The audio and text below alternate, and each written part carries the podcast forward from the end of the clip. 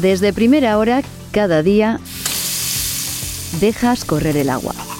Pero ¿has pensado alguna vez lo que implica ese gesto? Soy Eider Hurtado y te invito a descubrirlo en El Cambio, un podcast producido para ITV Podcast.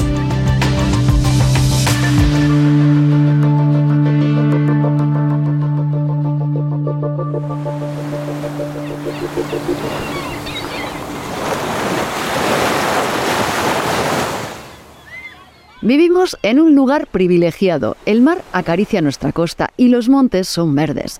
Poco nos hemos tenido que preocupar por el caudal de nuestros ríos y el nivel de nuestros embalses, pero las cosas ya están cambiando.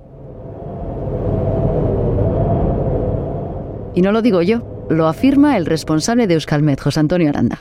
La atmósfera se está calentando en todo el mundo y en Euskadi, en Euskal Herria, no es una excepción. No se está pasando también lo mismo.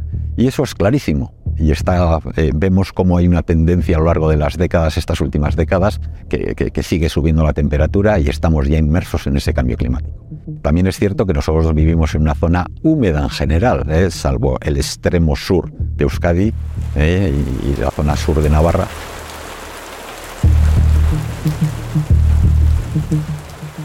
Desde luego no nos falta la lluvia, pero el pasado verano fue el menos lluvioso de los últimos 73 años. De hecho, Euskalmet califica 2022 como el año más caluroso que ha registrado. Y de esto algo saben también en el BC3, el Basque Center for Climate Change. Ni su responsable, Marijose Sant, se libra de sufrir los cambios del clima. Este año pasado, de hecho, yo tengo un huerto, eh, pero sí que eh, las judías verdes se han dado fatal. Eh, no hemos podido coger judías prácticamente, ¿no? En cambio, por ejemplo, los que plantamos tomate muy pronto, eh, tuvimos una cosecha muy buena y los que plantaron tomate al uso cuando se suele plantar aquí, las cosechas eh, fueron mucho peores porque el verano empezó mucho antes y luego empezó a llover, y, o sea que entonces mis vecinos estaban todos súper súper mirando a ver por qué me salían los tomates y es porque me equivoqué y los planté un mes antes.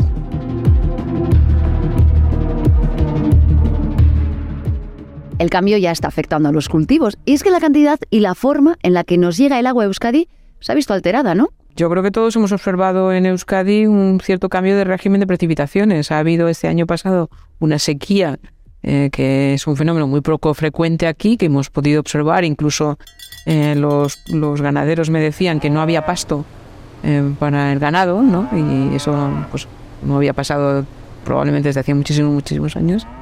Eh, y por otro lado, hay a veces episodios muy intensos de precipitación, que aquí también son poco frecuentes, que están provocando deslizamientos eh, de taludes y están provocando inundaciones.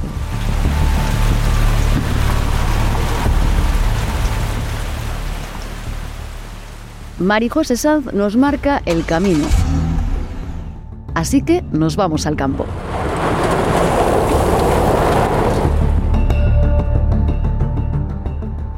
Los efectos más directos los está padeciendo el sector primario y en consecuencia los sufrimos todos y todas en los alimentos que no nos llegan igual.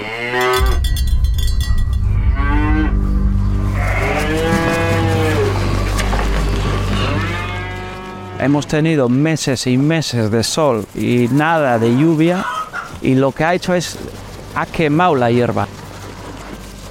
Encontramos al esquilador José Atard lamentándose sobre unos pastos arrasados por la falta de agua. Euskal Herria es un país verde. Si sigue así, igual habría que cambiar la icurriña y ponerle, yo qué sé, amarillo o beige. Sin llegar a tocar la icurriña, muchos ganaderos ya han tenido que tomar decisiones drásticas, quitando cabezas de ganado porque no hay hierba para alimentarlas y la producción de cereal se ha reducido casi a la mitad. Pero, ¿qué podemos hacer? Es muy fácil decir y, yo no soy científico ni político ni solo sé pues esquilar ovejas, pero eh, al final cada uno tenemos una responsabilidad de y tenemos que ser conscientes de cómo utilizamos el agua. ¿Cuánto vamos a, vamos a dejar los grifos? ¿Vamos a, a regar durante el día que luego lo quema el sol? No. El sentido común de Joseba nos deja algunas claves si no queremos que las olas de calor del pasado verano sigan aumentando. Porque, ojo, se estima que de aquí a 2050 las olas de calor irán creciendo hasta que supongan la tercera parte de los días del verano vasco. Sí, el 30% del verano será una ola de calor.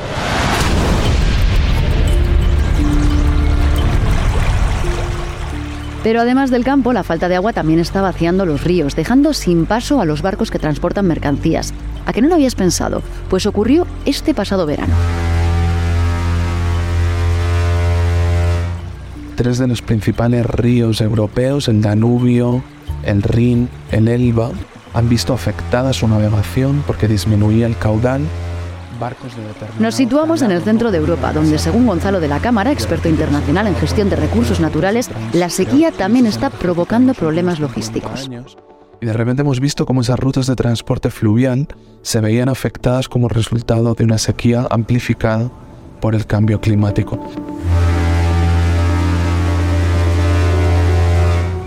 Como ves, el impacto del cambio climático ya está aquí y tiene consecuencias directas en nuestra economía, en los precios. Pero Gonzalo de la Cámara nos invita a mirar más allá para constatar que las cosas aún pueden ser peor. Él es asesor de organizaciones como Naciones Unidas o el Banco Mundial, porque el agua es un problema de vida o muerte en medio mundo. Casi la tercera parte de la población mundial no tiene un acceso seguro a agua potable. Y no solo eso. Casi la mitad de la población, eh, unos 4.300 millones de personas, carecen de servicios de saneamiento también con seguridad lo cual significa que no tienen un retrete o una letrina básica para eh, dar un tratamiento correcto a, a sus excrementos. En el mundo ya hay más personas con teléfonos móviles que con retrete. Así de triste. Desarrollo en dos velocidades.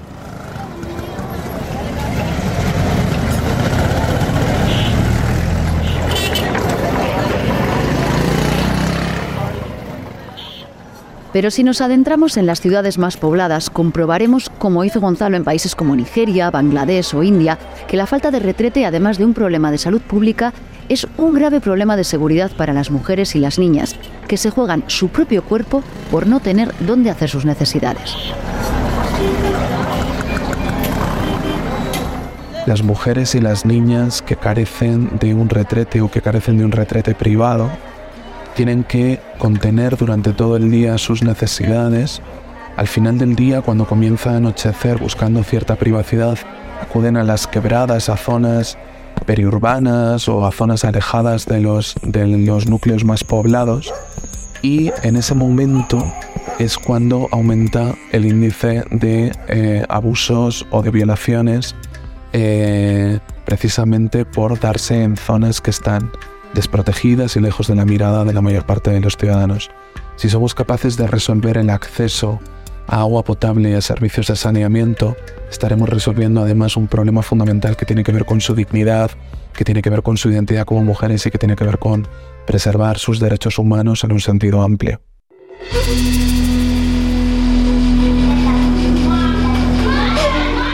Muchas niñas además dejan la escuela cuando les baja la regla. Por no tener un baño seguro y limpio, se quedan sin educación. Pero volvamos a nuestra parte privilegiada del planeta, porque nuestras acciones aquí provocan estas dramáticas consecuencias, y seguro que algo podemos hacer. Para situarte, tú, como la media de la ciudadanía vasca, consumes cada día alrededor de 115 litros de agua. Cada día, 115. Pero no somos nada conscientes cuando la dejamos correr como si fuera un bien infinito que sale por arte de magia de nuestros grifos.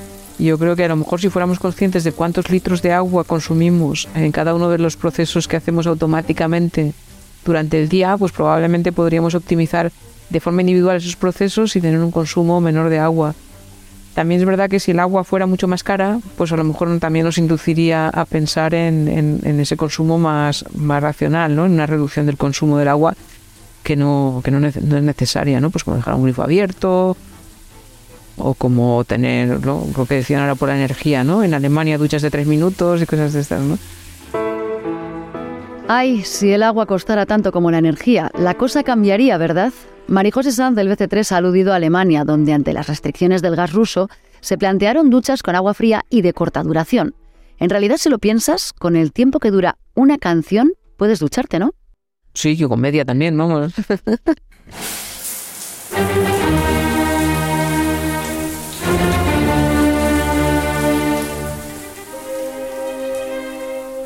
La quinta sinfonía de Beethoven no vale. Pero ahora en serio, ¿y si pagáramos más por el agua, cambiaría nuestra forma de valorarla? Probablemente, probablemente. El agua, eh, el agua nos parece un bien eh, que nos viene dado por la naturaleza eh, gratuito, casi, ¿no? Si lo consideramos un bien común escaso, pues obviamente el precio podría subir y puede ocurrir en el futuro que sube el precio del agua. Así que mejor que la conservemos ahora y que no tengamos problemas mayores en el futuro.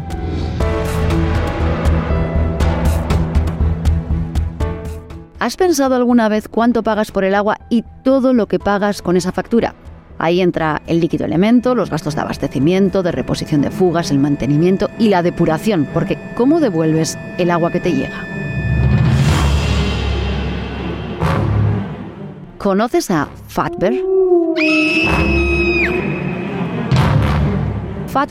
Es el monstruo de las alcantarillas, una masa asquerosa que en el sistema de alcantarillado de Londres llegó a alcanzar 250 metros de largo y 130 toneladas de aceites y grasas. Sí, Fatber se alimenta de todo lo que tiras y no deberías por el fregadero o el retrete.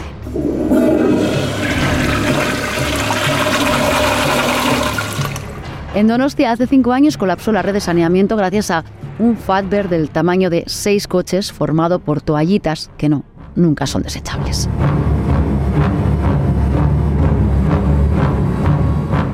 Contra Fatber luchan las depuradoras. Gracias a ellas el agua que consumimos es devuelto al medio acuático de forma sostenible.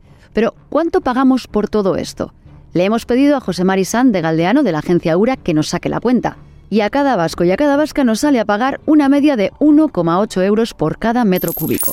¿Pagar 1,80 euro por mil litros es mucho o poco?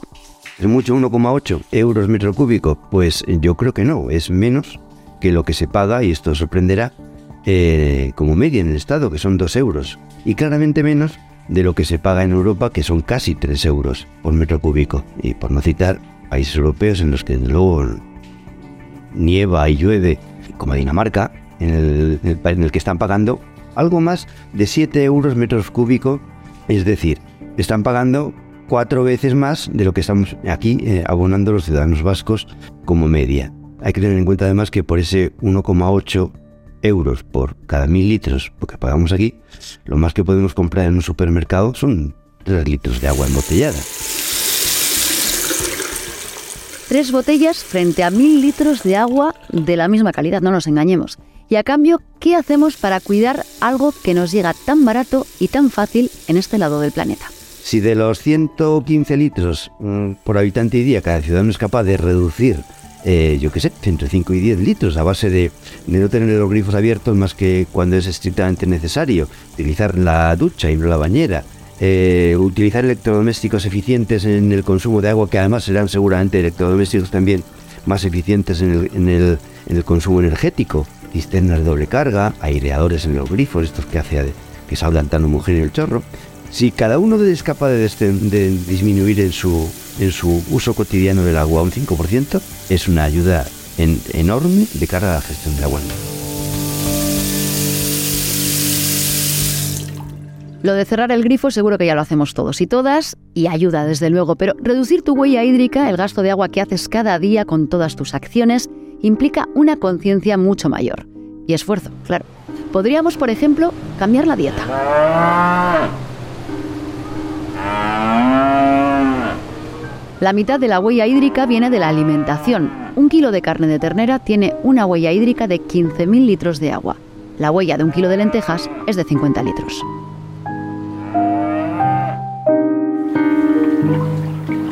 Por no hablar de la huella hídrica de la industria textil, fabricar una camiseta de algodón requiere de 2.700 litros de agua.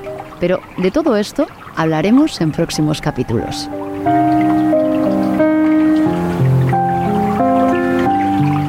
Solo quiero que seas consciente de que todas tus acciones implican un gasto ingente de agua, hasta las que menos piensas.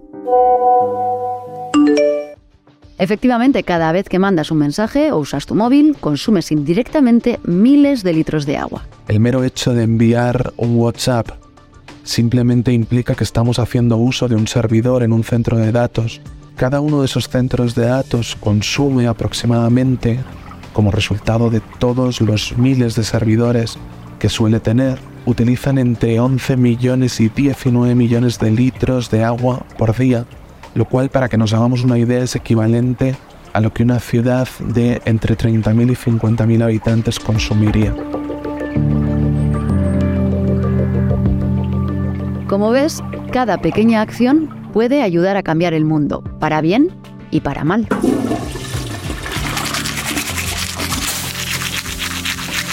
Desde este podcast apostamos por hacer que el cambio sea positivo. Si te sumas, te espero en el próximo capítulo. Hablaremos sobre los residuos, porque tu basura contamina. Nos encontrarás en ITV Podcast y en las plataformas habituales.